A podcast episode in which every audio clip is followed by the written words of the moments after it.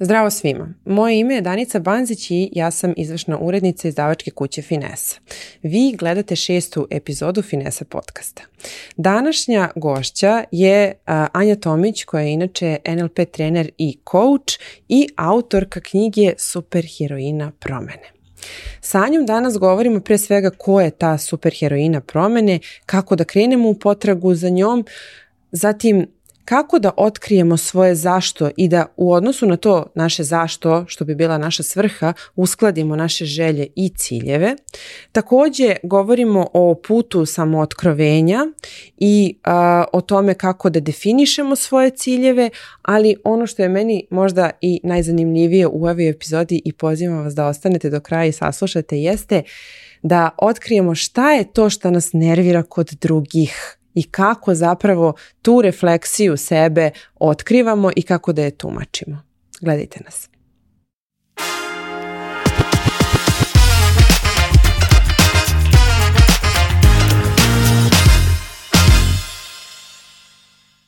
Anja, je superheroina promene? Mm, već smo govorile o, ovome pre snimanja, nekako narativ je prilično ženski, jel tako? I priča izgleda kao da se obraćamo ženama. A u suštini kada se sagledaju sve tehnike, metode, apsolutno su primenjive kod svih, jel tako? Mm, baš tako. Šta, ko je zapravo ta superheroina? superheroina živi u svakome od nas. Bili mi muško ili žensko. Mhm. Ideja e, narativa više u ženskom rodu je bila ta dogovor sa mojom urednicom gdje smo se opredelile da e, pustimo jednu knjigu koju je u ženskom narativu jer negde mhm. većina knjiga su pisana u muškom narativu. Mhm a puno muškaraca je pročitalo super heroinu promene i pronašla se i radi tehnike mhm. i negde smatram, čak nisu ni prokomentarisali da im je smetao sam narativ u ženskom rodu, jer mhm. sama knjiga je zaista puna iskustava i priča i primjera i alata i tehnika koji su primenjivi na jedan i na drugi rod mm dobro, a e, sada e, to je nešto kroz šta prolazimo kada čitamo knjigu, a sada da, da prosto predstavimo našim slušalcima, gledalcima kako pronaći uh, superheroinu u sebi? Ja, meni se mnogo dopada tvoja priča i to celo tvoje iskustvo još od detinstva i tvoj mač i mama i sve, ceo taj ovaj pohod. pa da, zaista mnogo mi se dopada, vrlo je slikovito, upečatljivo i baš me navelo na razmišljanja. Međutim, nemamo svi takva iskustva, nemamo svi te doživlje, nemamo svi te rane, susrete. S toga kako da započneš ako, ako znaš da je imaš u sebi i svi negdje znamo da imamo to nešto u sebi, kako da započnem potragu za njom? mm super pitanje. E, ideje super kao pojma, kao metafore jeste da e, objasni naše snage, naše resurse, naše iskustva. mm Svi mi imamo već super u sebi. Rodili smo se sa tom iskrom života mhm. i kroz razne iskustva, kroz život mi smo tu superheroinu više ili manje um, nadograđivali. Mhm. Tako da sama potraga za super možda i nije adekvatan izraz jer uh, se ona ne nalazi, ona je već u nama, ona se na neki način trenira. I mhm. mi učimo kako da se povežemo sa tom snagom u sebi koju već imamo svi i da e, je razvijamo kako bismo mogli da je usmerimo na one elemente života koje zahtevaju našu e, posvećenost na neke izazovne momente, na neke slepe ulice u koje svi s vremena na vreme upadnemo. Dospemo, da. A ono što mi se sad nameće kao pitanje, sad super heroina zvuči kao da je malo u superlativu, kao da je malo mhm. to neko savršeno biće u nama. I sad može čovjek na trenutak da, da odluta i da kaže, bože, to je neko savršenstvo u meni, neka strašna mudrost, strašna snaga, strašna moć i u odnosu na svoj kontekst da možda pomisle ja toga nemam jer sam se ja napatio, napatila, ja sam imala užasno detinstvo, ja sam imala imala ne znam, užasna iskustva, odnose sa partnerima, s drugarima, sa čime god i onda da pomislim toga nema u meni.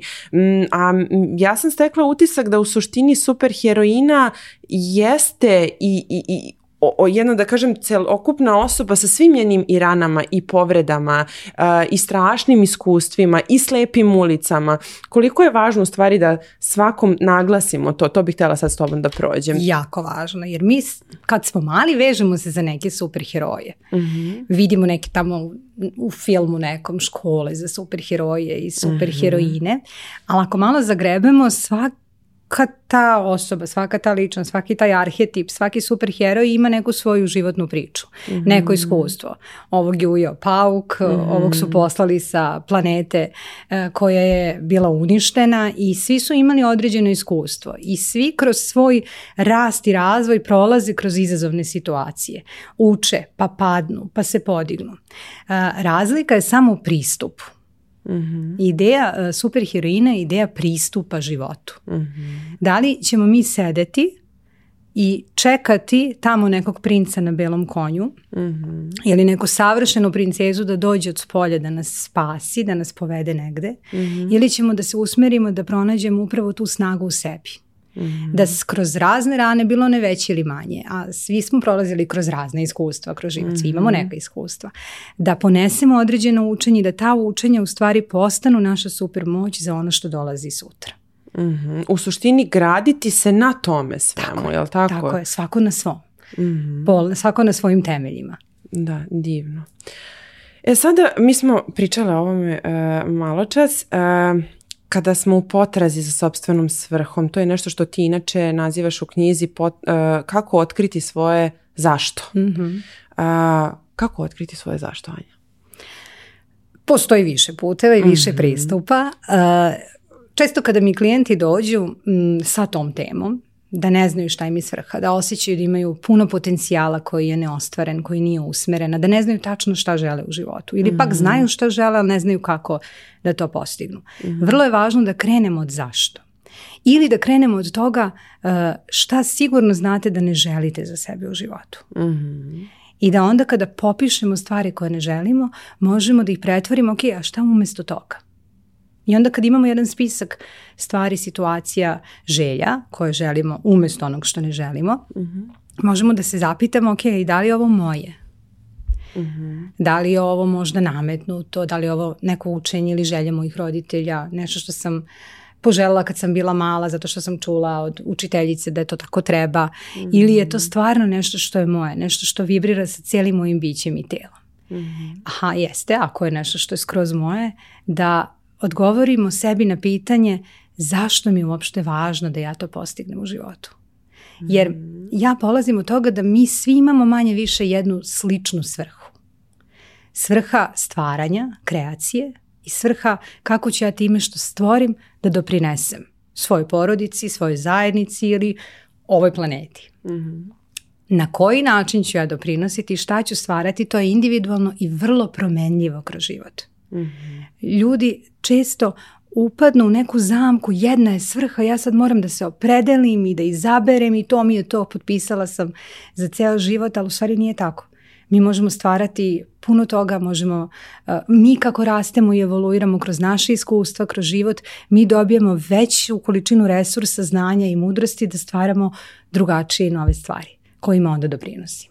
Dobro, to je nešto što je danas i veoma, da kažemo, pristupačno, da se ti usavršavaš, da menjaš recimo profesije, zvanja, e, da kreiraš različite stvari. U tom smislu možeš lakše danas da se ostvaruješ nego što su nekada ljudi mogli, ali tako? Ranije je bilo upravo to, jedan posao imaš, peglaš to celog života i to ti je što ti je, u suštini ne razmaštavaš se, ne fantaziraš mm mnogo da, da, da testiraš svoju realnost. E sada, da li to znači, tvoje mišljenje, da li to znači da su danas ljudi možda srećniji?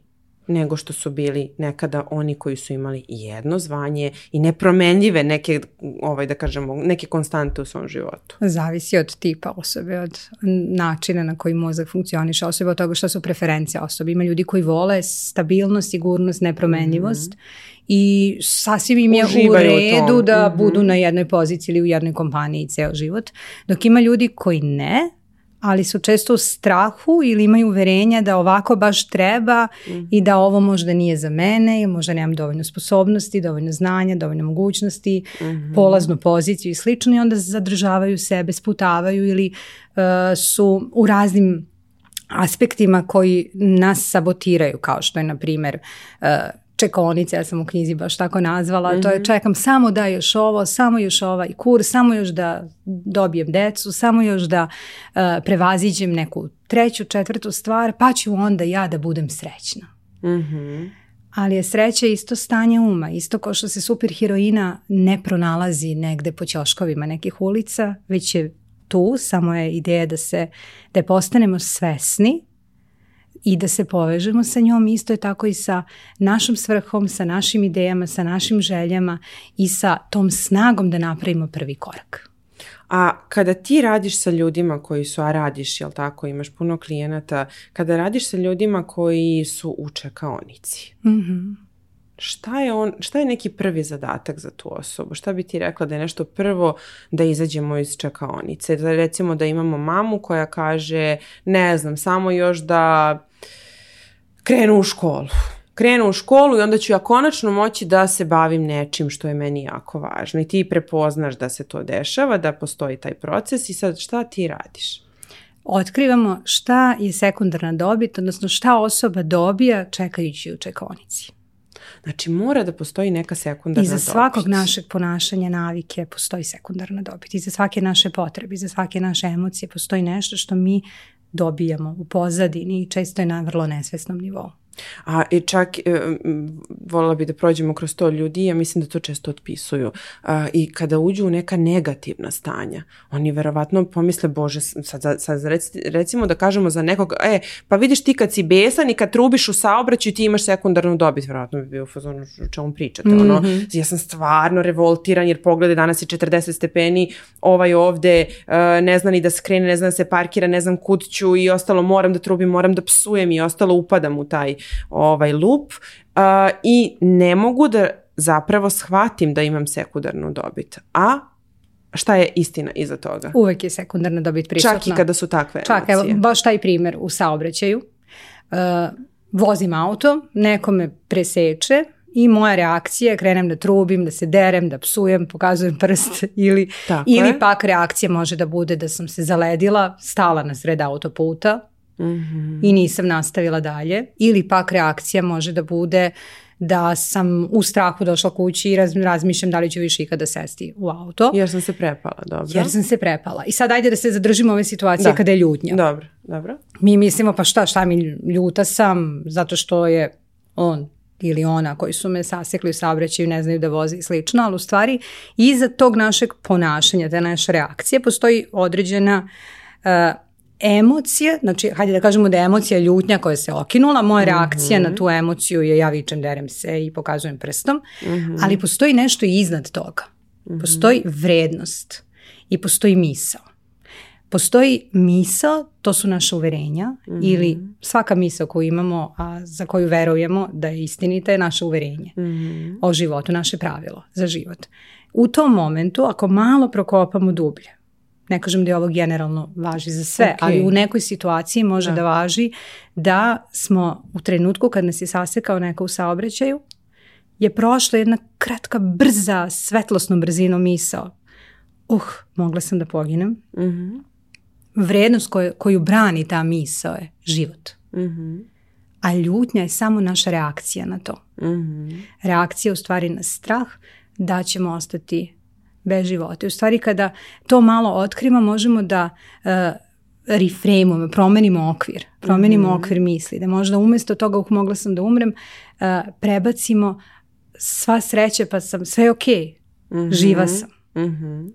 I već takva miso ima potencijal da povede novi set e, reakcija i emocija nakon toga i da stignemo na odredište u mnogo boljem stanju nego što bismo stigli sa nekim drugim mislima. Tako da negde e, cijelo putovanje, pronalaženje superheroine u nama započinje prvim korakom, a to je buđenje. To je svesnost. Mm Svesnost e, koje emocije osjećamo. Mhm. Da umemo da ih nazovemo, pre svega ljudi često ne umeju da definišu kako su. Na moje pitanje kako si, e, dobijemo odgovor pa dobro ili manje dobro ili loše hmm Šta tačno znači dobro ili šta tačno znači loše, ne umeju ljudi da definišu. Često čak nisu ni povezani sa svojim telom da, da prepoznaju kako se osjećaju. Ja to inače uviđam i kod ljudi koji kažu da su super.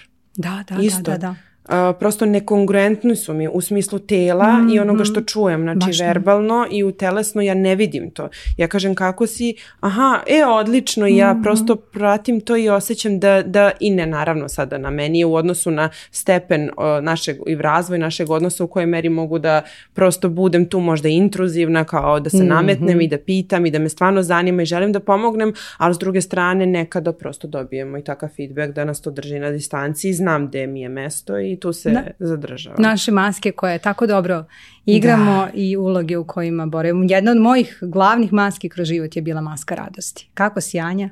Super. I kad se raspadam, super. Jer je ta maska u stvari skrivala moju ranjivost i e, osjećaj da nema šta ja ljude da šta je meni pobrinuću se ja za sebe, onako ljudi ima previše njihovih problema. Tvoja sekundarna dobit toga bi bila u suštini upravo neka izolacija, jel? Izolacija, da me može ne vide da sam ranjiva, da zaštitim taj neki deo sebe, da i bilo je tu više sekundarnih dobiti, zavisi od situacije. Da li bi mogli da kažemo za tako nešto da je to onda bila i potvrda možda nekog tvog uverenja da si usamljena sama i da niko ne može da ti pomogne. I da otpisujem druge da mogu zapravo da me razumeju i, i, i stvarno shvate ako kažem nisam dobro. Blizu si.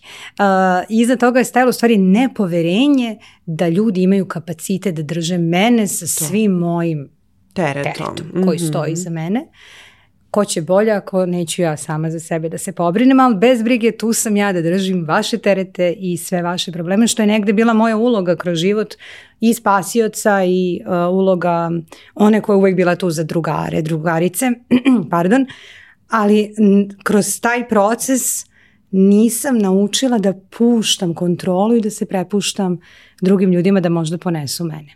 Mhm. Jer nisam imala poverenje, onda sam stavljala maske, zatvarala se. A jesi to danas naučila? Jo, veoma. To je, ba, to je tema na kojoj sam radila posljednjih 15 godina.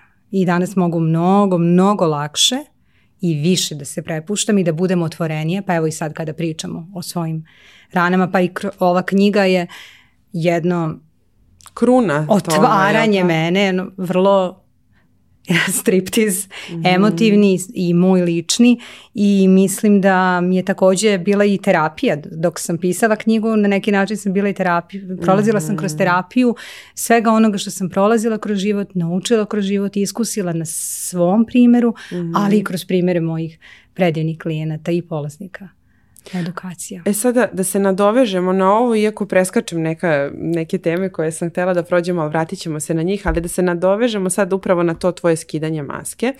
U knjizi u jednom poglavlju se dotičemo tvog odlaska kod određenog šamana, ti ćeš prosto nama sad to ispričati, tvoje iskustvo gde je zapravo od svega onog poletnog u tebi koja si očekivala neki blagosloveni moment u kom ćeš se ti pronaći, on te zapravo prilično onako da kažem ogolio svojim pitanjem mhm. koje se ticalo upravo toga te tvoje maske i da li si stvarno stvarno srećna kad se tako smeješ uh, i, i, i, i u odnosu na, na te maske o kojima smo govorili i koje ti kažeš sada da si i prosto uspela i da prepoznaš i da vladaš njima i da, da, da ih skineš, imala si jedan divan epilog, jel možda nam kažeš kako mi možemo zapravo da prepoznamo koje su naše maske koje su koje stavljam za druge, koje mhm. stavljam za porodicu i koje zapravo, šta je onda kad ostane prosto iza tih, kad skidem sve maske, šta ostaje tu? Autentičnost. Ostajem ja svoja tu neprikrivena. Neprikrivena. Da li to onda znači da ja nisam autentična kada, kada sam sa drugima? Možda, možda ne. Vrlo je, e, maske same po sebi su mehanizmi preživljavanja. Moja maska radosti koliko god da je skrivala i ima svoje posljedice i, i kada sam stalno u njoj onda zaista nisam to prava ja jer ako sam ja tužna, pravim se da sam srećna onda to nisam stvarno ja i to drugi ljudi više ili manje svesno ili manje svesno osjećaju. Mhm. Ali također ista ta maska je pomogla da ja preživim i, i da opstanem u nekim raznim situacijama, da zadržim svoj vedar duh. Jer samo osmeh je na neki način i moja autentična strana. Mhm. Pitanje je samo kada ga koristim kao masku. mm On postoji u meni kao deo autentične mene. Kao još jedna maska moje moja isto vrlo korišćena, maska znanja kad god bi bila mm. nesigurna ili kada bi se nešto poljuljalo, ja bih upadala u masku. Sad ću da ti objasnim istraživanje na tu temu. Naučna otkriće pokazuju. Mhm. To je maska znanja, maska racija, kada u suštini je možda bilo previše unutar tela u emocijama, ja sam odlazila u glavu u racija. Što je također jedna dobra osobina kada se svesno koristi, mislim znanje i racija je vrlo važna, naša mm osobina i mhm. karakteristika.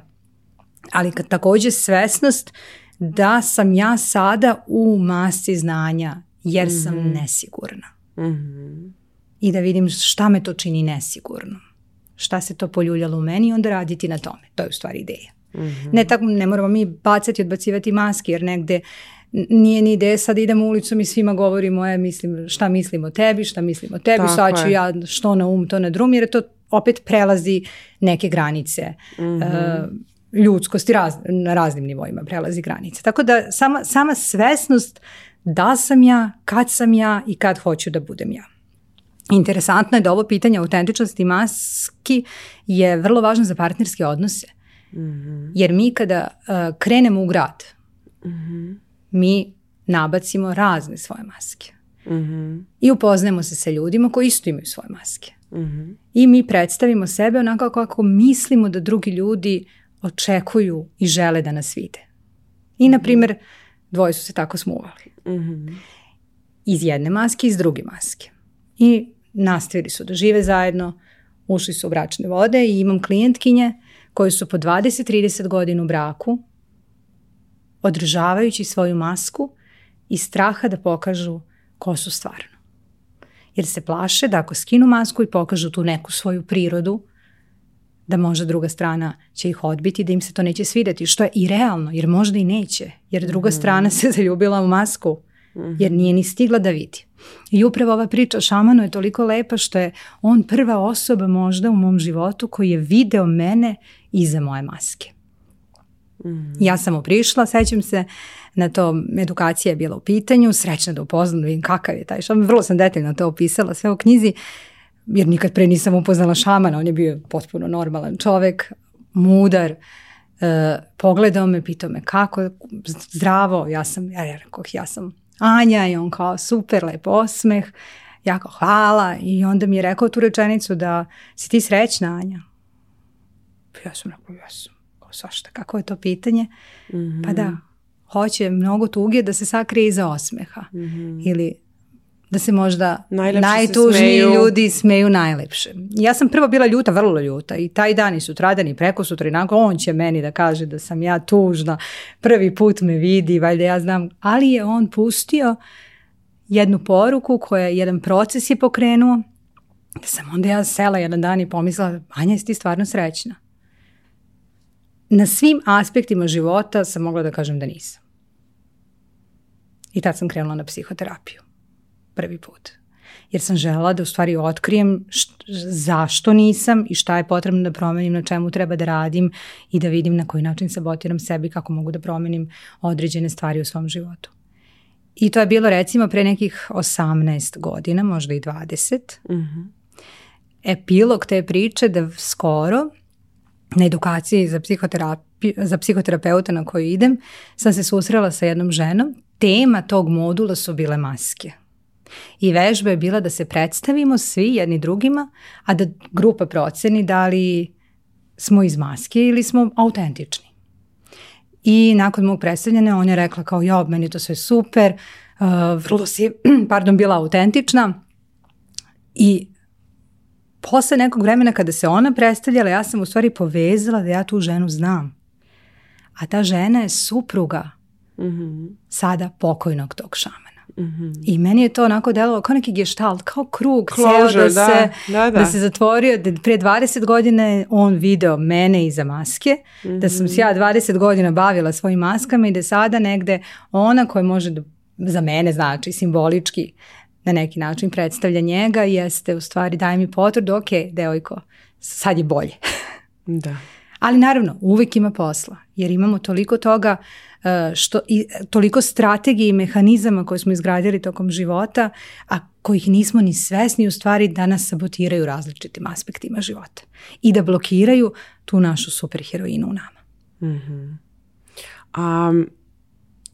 Sada e, moram da se vratim na ovo o čemu smo pričali ranije, a to je kako da otkrivamo svoje zašto. Mhm. I s tim u vezi, kako si već i sama rekla, trebalo bi da pretvaramo, u suštini da kreiramo neke, neke ciljeve. Svi imamo mnogo želja koje smo negde potisnuli, možda zato što smo pomislili da su neprimerene, nedovoljno važne, nedovoljno ostvarive i sad kad se stavimo u različite kontekste, pogotovo porodica, posao i ostalo, verovatno to možemo da zdravo za gotovo. Međutim, ja, čini mi se da i jeste teško, i, mislim za sve nas, i za žene i za muškarce, da se desi ta tranzicija od želje prema cilju, a da sve to bude usklađeno sa tim svojim zašto sa sobstvenom svrhom. kako se pretvaraju želje u ciljeve? Još jedno sjajno pitanje. Mhm. E, to je negdje i posao coachinga. Da mi iz sadašnjeg stanja gdje smo zaglavljeni, gdje, neš, nismo zadovoljni, odredimo prvo gdje želimo da stignemo i nađemo načine kako da stignemo tamo. Odnosno kako da neku potencijalnu želju pretvorimo u određeni cilj sa smislom. Jer e, to zašto je u stvari smisao, to zašto je u mhm. stvari svrha, to zašto je naša motivacija, naše pogonsko gorivo i razlog zbog koga smo mi spremni da za želju platimo cenu, mhm. a kada za želju platimo cenu, tada želja postaje cilj. Mhm. Ja želim da naučim portugalski, super, kad od sljedećeg mjeseca, majde sljedeće godine ću, majde samo da, da deca porastu pa ću se onda baviti mhm. sobom. I to je želja. I ona će se možda ostvariti, možda neće.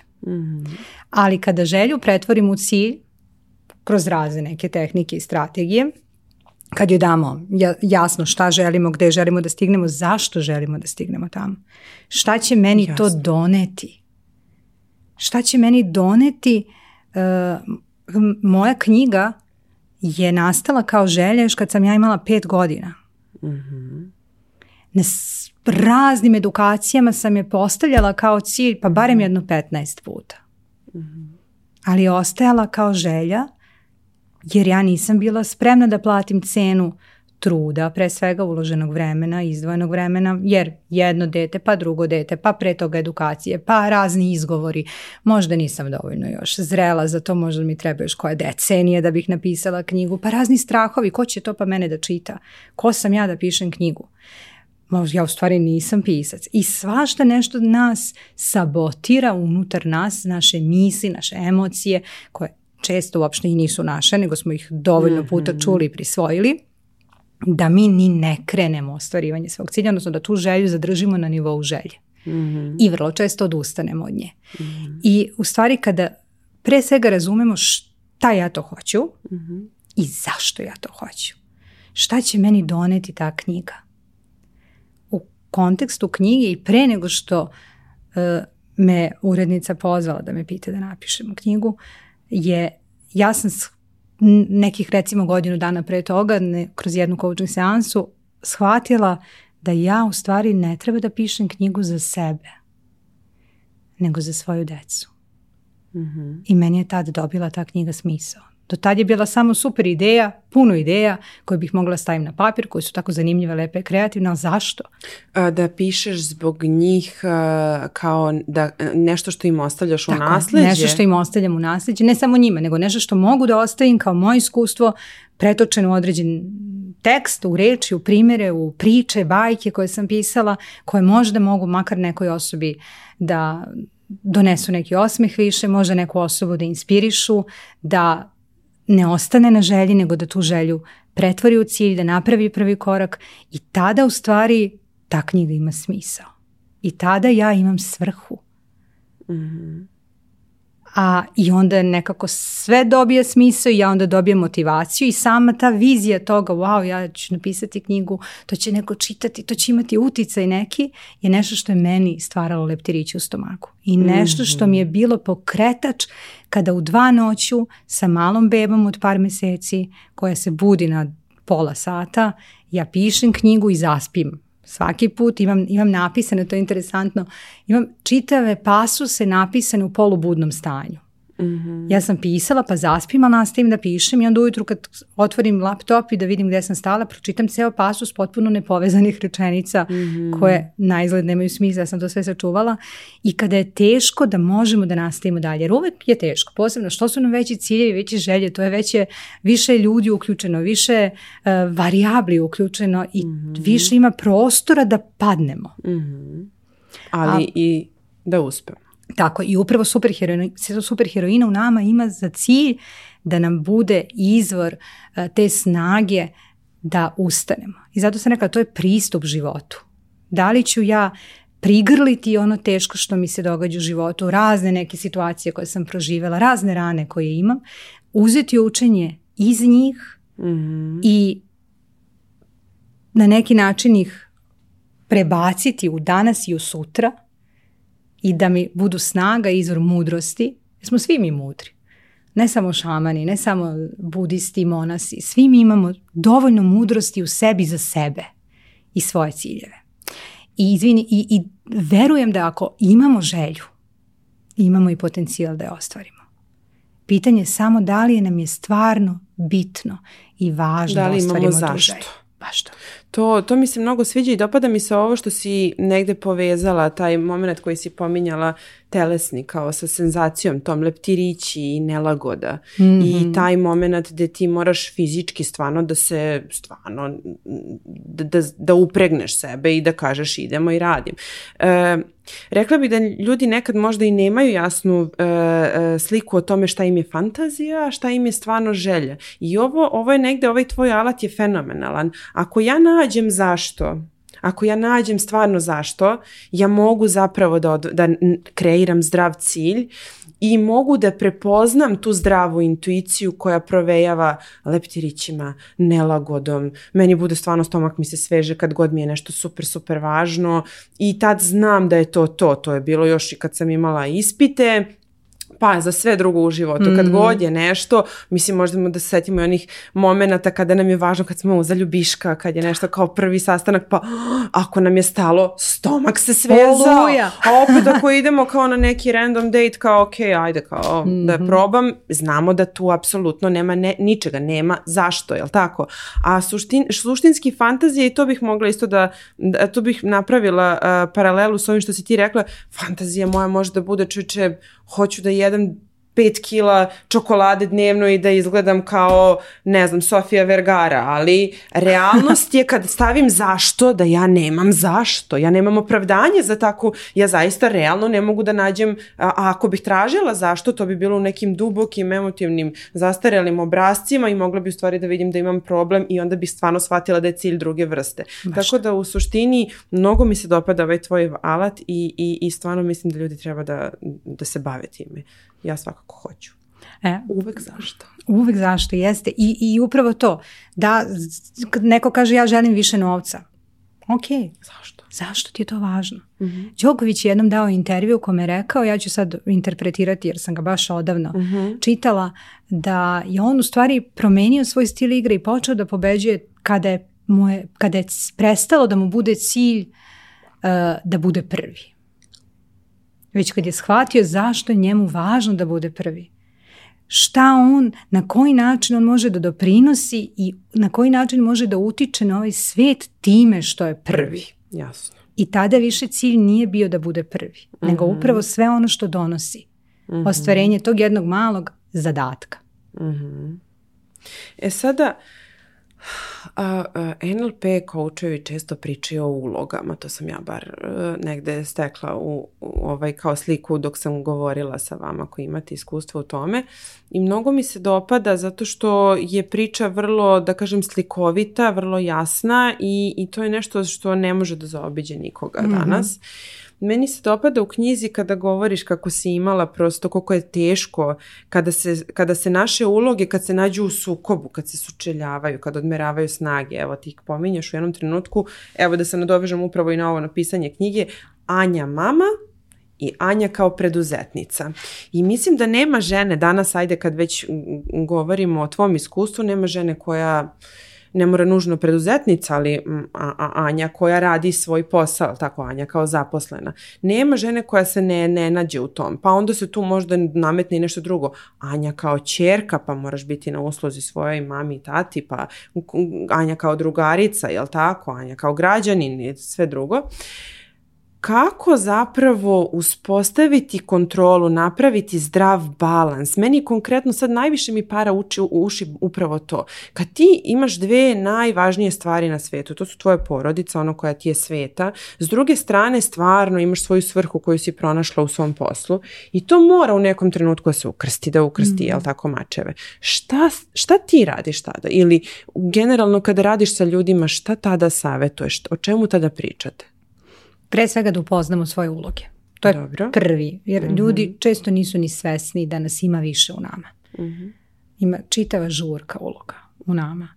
E, samo, u samo pisanje knjige su bile uključene i Anja preduzetnica, i Anja coach sa svojim klijentima, i Anja mama jednom detetu, Anja mama drugom detetu, i Anja mhm. supruga, i Anja pisac koja se tek rađala i Anja umetnik, i ja, razne su tu, Anja naučnik, Anja istraživač, to je bio jedan, bila je zaista žurka i kada upoznamo svoje uloge, s jedne strane možemo i da otkrijemo koja pravi najveći problem, koja je ona koja je nezadovoljna, ako postoji neko nezadovoljstvo u nama, znači da neka uloga u nama nije ispunjena, nije ostvarena, ili je... Ili možda i više njih. Ili i više njih također, ali da kažemo minimum jedna. I onda kada upoznamo svoje uloge možemo vidjeti u stvari koja je uloga i šta je nedostaje. Mhm. Konkretno, kada sam ja u svom preduzetničkom, coaching, edukatorskom, pisac modu, tada Anja mama je vrlo tužna.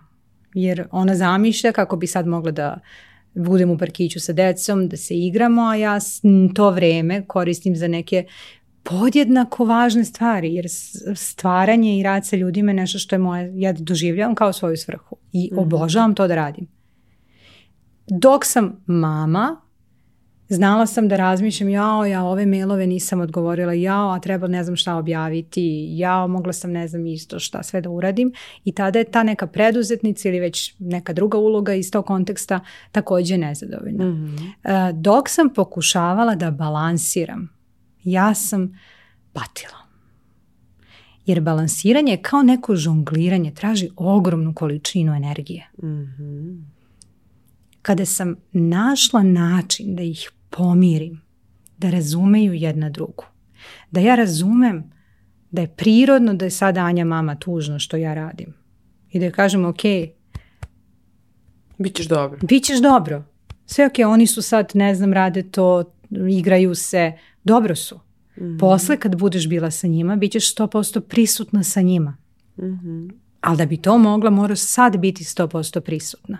Mhm. Da bi odradila ono što si planirala da odradiš. Mhm. I isto je tu važno zašto. Zašto ja ovo radim? Zašto, zašto sam ja sad ovdje u ovoj ulozi? Šta mi to donosi? I onda i to zašto meni daje prostor da dobijem odgovor i smisao zašto sad nisam u ovoj drugoj ulozi. I u stvari umjesto balansiranja način koje ko egzistencije tih uloga u nekom istom prostoru da igraju kao naš tim. Mhm. a da ne budu na različitim, u različitim ekipama. Mhm. Da bismo to mogli potrebno da razumemo potrebe svake uloge jer svaka je sistem za sebe, svaka ima svoje određene kontekste u kojima obitava svoje ponašanja, koje ima svoje vrednosti, svoje uverenja, ono što je važno Anji mami ne mora da bude važno Anji preduzetnici, ne mora da bude važno Anji drugarici, ne mora da bude važno Anji supruzi. I šta svakoj od njih nedostaje mm-hmm.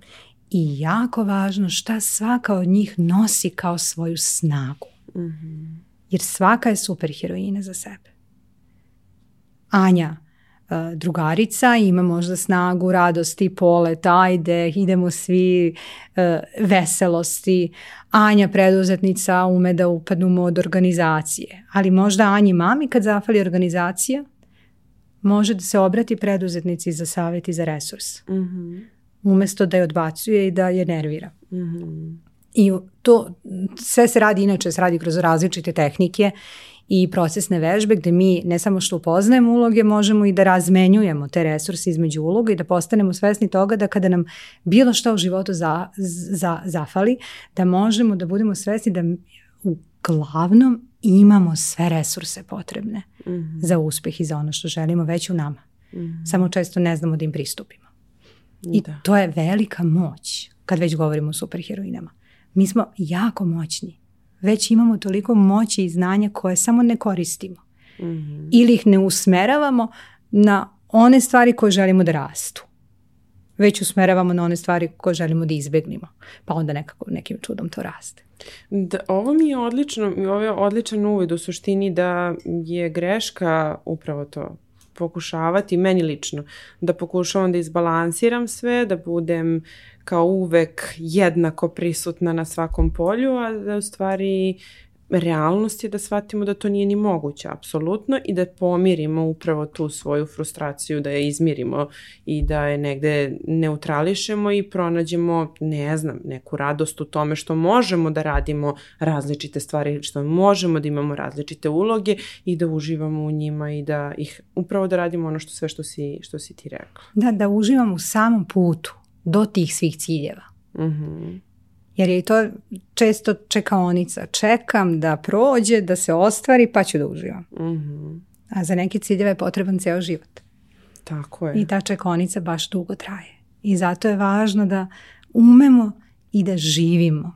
Da ne čekamo da se nešto desi da bi nam život krenuo, počeo se desio, nego mhm. da umemo da živimo i kad je lepo, i kad je tužno, i kad smo ljuti, i kad nam ne ide, i kad sve je protiv nas, i kad smo žrtve i spasioci i progonitelji, i kad smo mame, i kad smo preduzetnice, i kada nismo, i da shvatimo da je to, da je život sve samo neravna linija. I da ljudi kada gledaju uspešne ljude sa strane, misle da je kod njih uspjeh došao. Kao, ha, mhm. ideja i fjuk. Ili eventualno mhm. neki blagi tok, ali to je najčešće jedan čitav kupus eh, uspona, padova, odustajanja, vraćanja, kretanja i lakše je kad imamo podršku. Zato je važno da se okružimo ljudima koji mogu da nam budu podrška, da mhm. napravimo svoj krug eh, prijatelja, ljudi, porodice koji, koji će da nas podrže i da idemo na coaching, na terapiju, na edukaciju, da čitamo, da se inspirišemo uh, realnim životima ljudi koji imaju šta da kažu, koji su postigli nešto, uh, a ne samo onim što deluje na Instagramu. Što bi jedna moja polaznica rekla, što nam život gori, Instagram nam bolji. Tako je, da, mm. da, upravo. Da se okrenemo sebi i da vidimo kako mogu ovaj moj život da kreiram da meni bude instagramičan, a ne za javnost. Kad smo kod tih statusa, jel da, ono sve što objavljujem, kako to sve može da izgleda, e, mnogo mi se dopao u knjizi onaj moment koji pričaš sa edukacije na kojoj si bila kod Stevena Gilligana, jel mm tako? Mhm. Gdje je on podelio sa vama svoje iskustvo s jedne terapije gdje se desilo da mu je došao bračni par i rekao eto da je brak mrtav, a on je onako oštro predložio da ga sahrane mm I taj moment mi se mnogo dopao u smislu i sad u kontekstu cijele ove tvoje priče, autentičnosti i u odnosu sa drugima i ono sve malo što si pomenula da, pomenula da ljudi mogu da provedu i 20 godina pod maskama i koliko je zapravo dobro kada prepoznaš moment kada treba, ok, valjalo bi da si ga prepoznao i ranije, ali prepoznamo moment, taj statusni, gde je nešto zapravo umrlo i da treba da prosto nađe svoj spokoj negde dalje, jel tako? A da mi treba da izrodimo nešto potpuno novo i potpuno drugačije. Um, kako, kako je prosto tvoj stav prema tome i tvoje iskustvo u odnosu na to učenje koje si prošla, na tu edukaciju i tvoje iskustvo u radu sa ljudima, parovima i meni je bilo vrlo inspirativno jer je primenljivo ne samo u partnerskim odnosima, mm, već i na razne aspekte života. Uh, on je konkretno pričao o jednom paru koji su došli da probaju da rade na svom braku, mhm. ispričali su šta se desilo i čak su rekli da mi bi volili da bude kao nekada. Mhm. I on je njima tada u stvari rekao, ok, da li ima do, mislite da ima dovoljno ljubavi kod jedne i kod druge strane da želite da radite na ovome? Ima. Ok, hajde onda da se složimo da je vaš brak mrtav. Mhm. A oni su se zbunili, pa i mi smo došli ovde da ne bude mhm. mrtav. Ne, ne. Ovaj do sada vaš brak mora da umre da bi se rodio novi. Mhm. Jer vi danas niste one osobe od pre 10, 15, 20 godina. Promena je jedina konstanta, mi se menjamo iz sekunde u sekund, a često očekujemo da bude kao pre da bude kao mhm. onomat mm e, I zbog toga je u stvari važno da kada razumemo da se menjamo i da nismo više isti kao što smo juče bili, mhm. da umemo da neke, ne moramo celu sebe, ali neke aspekte nas koji više ne važe, možda baš neke misli, neka uverenja, neke vrednosti koje su bile hijerarhijski primarne i bitne kad smo možda bili u srednjoj školi Mhm. A sada im nije više mesto i pozicija na istom nivou. Da umemo da pustimo, da otpustimo, da poša, da sahranimo, da pošaljemo u svetlost da bi se iz te svetlosti nešto novo rodilo. mm A to novo je novo koliko je i staro, jer negde rad na sebi je kao neki put gde mi negde idemo, ali u stvari taj put često vodi nazad. nazad. mm ka toj nekoj autentičnoj mi koju mi u stvari upoznajemo mhm. i otkrivamo, koja opet s druge strane i primenjiva raste i e, gradi se sa iskustvom i sa događajima. I može jednako da se preliva i na odnose u, tom, u ovom smislu i na partnerske. Tako, tako i na partnerske odnose. I zato je važno da, on je baš tada rekao, hajde da se ponovo upoznate i da vidite li se vi dopadate jedno drugo. Mhm. Da li sad ova žena se dopada ovom muškarcu i obrnuto. Da i da li se dopadaju sami sebi, jel tako? I to je upravo ovo što si jako rekla, važno. put ka autentičnosti, možda i najvažnije. Jer ako se dopadamo sami sebi, onda smo nekako i drugima privlačni, dostupni i možemo da damo mnogo više onda kada polazimo iz te perspektive, za razliku od onog momenta kada smo vrlo osuđujući prema sebi. Da, što je baš često. Da li možemo da se pogledamo u gledalo i da kažemo volim te? da kažemo baš si mi super, baš si mi draga, baš si kraljica. Ili pogledamo sebe i kažemo jo ne opet, kad ova nastade? Mm-hmm. A vidi kose kakva mi je danas. Mhm. I, I još udublje stvari zašto nisam uspjela, opet sam napravila istu greštu, opet sam ispala ovako, onako, ili ispala. Kako sam glupa. Kako sam glupa, pa sam konj i razne neke mhm. druge epitete koje imamo sebi da nadenemo, kada bi nam neko drugi to rekao, vjerojatno bismo se duboko uvredili. Mhm. I ta uh, nežnost prema sebi jako važno. E, uh, o ovome nismo pričali da ćemo pričati, ali mislim da je važno sada napomenem jeste da u stvari kad osvestimo to gdje smo, šta želimo, postavimo ciljeve, otkrijemo šta nas sabotira, ključna stvar je da pred oduzmemo odgovornost. Ja sam se malo poigrala slovima. Mhm. Obično se govori o tome da, da preuzmite odgovornost za svoj život. mm Vaš život je vaša moć. I često ljudi to u stvari preformulišu, da ok, znači ja sam odgovorna za sve neuspjehe, za sve izbore, ja sam kriva. I vrlo mhm. lako uđemo u mod okrivljavanje sebe, osuđivanje sebe, što inače već radimo ceo život. Pa šta će nam mhm. još toga? A ja sam dodala to slovo D, preduzmi odgovornost. Što znači da je to moment kad sam svesna svega, svesna sam šta me je dovelo do danas i da je danas najsavršeniji moment moje svesnosti da sve to uzmem i primenim, da preduzmem nešto povodom toga. Jer preuzeti odgovornost je dosta pasivno. Ja sam preuzela i sad sam odgovorna. A mhm. preduzeti odgovornost nosi akciju u sebi. Ja preduzimam nešto mhm. povodom ovoga gde sam danas i pravim jedan mali korak, pa još jedan, pa malo veći, pa malo manji, pa se malo vratim nazad, pa odem dva koraka napred i onda gradim nešto što želim za sebe, mhm. nešto moje. Da, sjajno. A sada kada e, malo čas e, kad si pričala kako možemo svaka, svašta nešto ružno sebi da kažemo, ali eto kada bi nam to neko drugi rekao, mi bismo se naravno strašno uvredili. Sada u odnosu na tu refleksiju koju imamo sa drugima, isto si to pominjala u knjizi, osobe koje nas najviše nerviraju, mhm. s kojima nismo baš najlagodniji, najčešće zapravo ima i postoji razlog zbog kog se nas tako, prosto zbog kog se tako osjećamo ili možda imaju nešto što mi ne volimo kod sebe, ili možda imaju nešto što bismo mi jako želeli da imamo. Ne u onom klasičnom smislu sad ti si lepa pa sam ja ljubomorna na tebe što si ti lepa, nego prosto nešto što prosto toliko želim, a to se dešava tebi s lakoćom, pa, pa eto ja možda to priželjkujem. Ali najviše je ovaj moment čini mi se da mi prepoznajemo nešto kod sebe što nas užasno nervira, što otpisujemo. Skoro sam bila eh, na nekoj edukaciji i pričamo ovaj, kolege i ja i sada pričamo s kime bismo radili kao na psihoterapiji, da li bismo radili sa određenim poremećajima i sada pričamo o ženama koje su onako lako histrionične ili koje su preemotivne, koje mogu da ono lako eskaliraju, mnogo plaču i ostalo i šta se dešava kao e, pričamo o tome da li jedna, e, jedna koleginica kaže da ne može da radi sa sa takvim osobama. Da u suštini kada bi se to desilo jedan, dva, tri puta, kao istolerisala bi u, u toku jedne seanse, već četvrti put bi bilo u fazonu žena sa kao u smislu moramo da radimo, imamo zadatak, ajde radimo, smiri se kao od toga nemamo ništa. Radio je sa nama jedan naš poznati psihijatar koji je ovaj u tom trenutku rekao aha, kao gledaju odavde kao, dobro, kao ko, je u porodici bio takav? I sad to je već, znamo, u psihoanalizi vrlo jedna, da kažem, opšte poznata stvar gdje se dešavaju takvi uvidi odmah na licu mesta.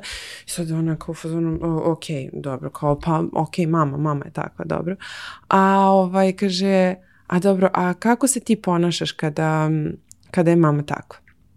I ona, bukvalno mislim da je potpuno nesvesna svoje reakcije. Ona odavde, pa ništa, kao, prevrćem očima kao otprilike, kao guši me to. mm I kao, aha, znači moramo da rešavamo stvar sa mamom, odnosno unutar sebe, unutar svojih iskustava, svojih nekih postavki, a i da to onda nema nužno veze s tim da li ćemo raditi s graničnim poremećajem ličnosti ili nećemo, to apsolutno ima veze sa nekim našim backgroundom. E sad, s tim u vezi vraćam se na ovu refleksiju i to šta može kod nekog da nas mnogo nervira. Koliko u stvari uvida može, koliko nešto što nas nervira kod nekog može da nam otkrije o nama samima. Sve neprocenjivo je. E, mi, e, nas ne može da iznervira ništa kod druge osobe što ne nosimo već u sebi. Mhm. Što ima, ili, ili imamo ožiljak, ili to podsjeća nas na neko ponašanje, imamo određeno sidro, mhm. određenu e, ranu, određenu bol, aktivira se, to aktivira nešto u nama, ali mhm. samim tim što nešto s aktivira nešto u meni, to znači da je do nečega u meni. Primer interesantan, daću dva kratka. U partnerskim odnosima e, najčešće kad dođu parovi traže da ovaj drugi nešto promeni da bi se ta osoba bolje osjećala. Nervira me kod partnera mhm. nešto i slično. U stvari, e, mi kada e, smo u naš posao nije da namirujem te sekundarne potrebe mom partneru. Mhm. Jer ako ja osjećam duboku nesigurnost zato što sam možda imala eh, razvedene roditelje, otac je otišao, nije bio tu i slično i od malena sam osjećala da nemam stabilnost, da nemam sigurnost. I sad mhm. imam partnera i stalno tražim da mi daje potvrdu sigurnosti, ali on može da dubi na glavi i da mi svaki dan govori volim te, volim te, volim te, volim te, volim te, ako ja unutar sebe ne osjećam sigurnost, ja mu neću verovati. Mhm. Što znači da to nije do njega nego je do mene. Mhm. I u roditeljstvu meni je rođenjem mog Mihajla toliko toga otkrilo u meni. Jer po prvi put su se aktivirale neke emocije koje u stvari mala Anja u meni prepoznala u malom Mihajlu kada je on došao u fazu countervila, u fazu kada je počeo kontru, pa su bili imali bes, pa tantrumi, mm odjednom se u meni podizao ogromna, podizala se ogromna količina besa. mm S kojom ja nisam znala šta ću. Mhm. Prva pretpostavka je on nešto radi pa sam ja besna. Mhm. Kako on da promeni svoje ponašanje. Ali osvešćivanje da u stvari ovo što se sad podižu meni, on samo okida, ali nema veze sa njim. mm Da je to mala ljutnja, male Anje koja je bila mali kalimero, isterivala pravdu i stalno je nešto bila ljuta i njeni roditelji su imali kapacitet za tu ljutnju donekle. Kad više nisu imali, postali su u sobu i rekli, ajde dosta više prestani da se ljutiš, marš u sobu i onda mala Anja ode u sobu i tamo suzbije svoju ljutnju. Smiri mhm. se mm Puno puta kad suzbijemo svoju ljutnju, puno puta kada ne izprocesuiramo, ne propustimo, ona ostane, e, emocije su energija, one ne nestaju, one se samo prelivaju, mhm. pretvaraju u neki drugi oblik. Mhm. I upravo kad sam ja u stvari shvatila da je ova ljutnja, moja ljutnja, male Anje koja nije propuštena i kad sam naučila mehanizme i kad sam malo još pro, išla dublje u to i radila na tome da propuštam ljutnju više, mene Mihajlo je dalje bio u svom uzrastu razvoja u kome je normalno da ima određene reakcije, da ima otpor na granici i slično, ali je mene počeo sve manje dokida. Mhm. Ja sam povećavala svoj kapacitet da ga držim u njegovoj ljutnji. Mhm. Kako bi on danas naučio da se nosi sa svojom ljutnjom. Mhm. Na drugačiji način nego što sam ja kad sam bila mala. Jer tad nisam naučila. I to je, zato je veoma važno da, da ta svesnost. Da mhm. budemo prvo svesni kako smo. Kako znamo da smo tako? Kao dobro sam. Kako znaš da si dobro? mm Gde ti je to dobro? Pa kao tu mi je neka mirnoća, milina. Da možemo da se povežemo sa sobom, sa svojim telom, da sednemo u sebi, da, da, da, budemo u sebi mhm. prisutni. mm i tek tada možemo uopšte i da razgovaramo o željama, o ciljevima, o potrebama, o svemu drugom, jer ako nismo u sebi, mi ne možemo nikada znati šta stvarno želimo. Mhm. I tu sve počinje, sa svesnošću, sa buđenjem, što je i prva faza. Divno. Super, baš želim svima da, da, da, pročitaju. I ono što je bio tvoj super prijedlog da zaokružim ovaj naš razgovor nekim malim poklončićem za, za naše e, slušalce, gledalce, a to je da im daš nešto, da im kažeš nešto o ritualima. Može, ima puno rituala u mhm. knjizi, baš puno malih sitnih rituala mhm. sam kroz cijelu knjigu provlačila. E, evo da, da krenemo od ovoga gdje smo malo prezavršile. Kako da budemo mhm. prisutni, kako da više mm sednemo u sebe. Povezujte se sa svojim telom. mm plešite, šetajte, dišite, zastanite. Kada jedete, žvaćite, osjećajte ukus hrane. Mhm. Kada šetate ulicom, zastanite pa, pa pogledajte oko sebe i primetite sve što vidite. Mhm. Onda zatvorite oči pa oslušnite sve što čujete. A onda otvorite oči pa povežite ta dva. A onda opet zatvorite oči pa samo primetite kako ste. Kakva je temperatura, ima li vetra, jel mi prije sunce ili mi ne prija, je hladno, jel mi je jeza ili mi je milina. Mm-hmm. to osjećam? Mm, također svesnost sebe i telesna svesnost se može vežbati kroz razne mindfulness tehnike. Možemo se tuširati pa pratiti kapljice kako nam padaju niz mm-hmm. tijela. Da postanemo svesni svog e, osim što smo često svesni svoje glave i mozga i u modelu razmišljanja smo ja znam sve, mm svesna sam ja svega, da postanemo svesni svog malić prsta na nozi, mhm. koga često zanemarujemo, a vrlo je bitan u ravnoteži. Mhm. Da postanemo svesni svoje potkolenice, svog lakta, mhm. svojih leđa, toliko toga nosimo u sebi, toliko grča, toliko, toliko toga je sraslo s nama da više i ne primećujemo, a u stvari komunicira. Mm Super heroina je u nama često tiha, mhm. ali priča. I priča mhm. upravo kroz sve te simptome, kroz emocije, kroz misli. I naš zadatak je da naučimo taj jezik, kao što znamo razne druge, da naučimo taj svoj lični jezik, jer je on negdje najvažniji. Mhm. Da. Hvala ti na tome. I za kraj mi reci dve stvari. Prvo me zanima šta je ono što Ana, Anja Tomić čita, osim što nju mhm. čitaju šta Anja Tomić sada čita, to me zanima.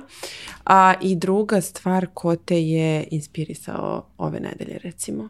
Mm, neko može da bude, što se mene tiče i celebrity, a može da bude i neko sa ulice ili iz autobusa ili gde god da srećeš ljude. Nevjerovatno. Krenut ću od kome inspirisao. Dobro. Inspirisalo ju, ju pre dva sata mm žena koja me je šminkala. Mhm. Koja je nevjerovatna. Premudra. Mhm. Ja sam joj se požalila kako mi neka mačka dolazi pod prozor već tri mhm. dana i ne mogu da spavam. I baš sam planirala noćas da se naspavam, ali nisam. I onda me onako šminkala i mudro rekla samo, samo me zanima jesi li razmislila što ta mačka pokušava da ti kaže. Možda je ona baš tu zbog tebe. I u stvari me inspirisala da se podsjetila me da malo zastanem i da pogledam neke znakove koje mi možda dolaze, koje nisam, jer mhm. mislim da je to važno. Kao iznutra znakove da pratimo i ove spolja koji dolaze. mm a knjiga, knjige koje čita, ima ih dosta. A što e, bi izdvojila? Da, izdvojila bih e, e, sad. počela sam da čitam ovu novu knjigu od Gabora. mm Gabor Mateja. Mhm, mhm. I mislim da je odlična. To je nešto mhm. što sam skoro počela da čitam. I izdvojila bih ja sve finesine knjige, znači to, to je. E, inače, kad sam plani, želala, imala želju da napišem knjigu, mhm. ja da me neko pitao pre deset godina za koga bih volala da knjigu, rekla bih Fines. I zato je jako važno da, da pošaljem ljudima negde inspiraciju i poruku da veruju u svoje želje i ciljeve ako su to stvarno njihove želje i ciljeve. Ako znaju zašto. Misliš? I ako znaju zašto. Pa Tako ćemo i da završimo. Hvala ti Anja, mnogo uživala sam i naučila sam mnogo od tebe danas. Hvala tebi na pozivu, ja sam također uživala, baš mi je bilo prijetno. Divno. Vidimo se. Da,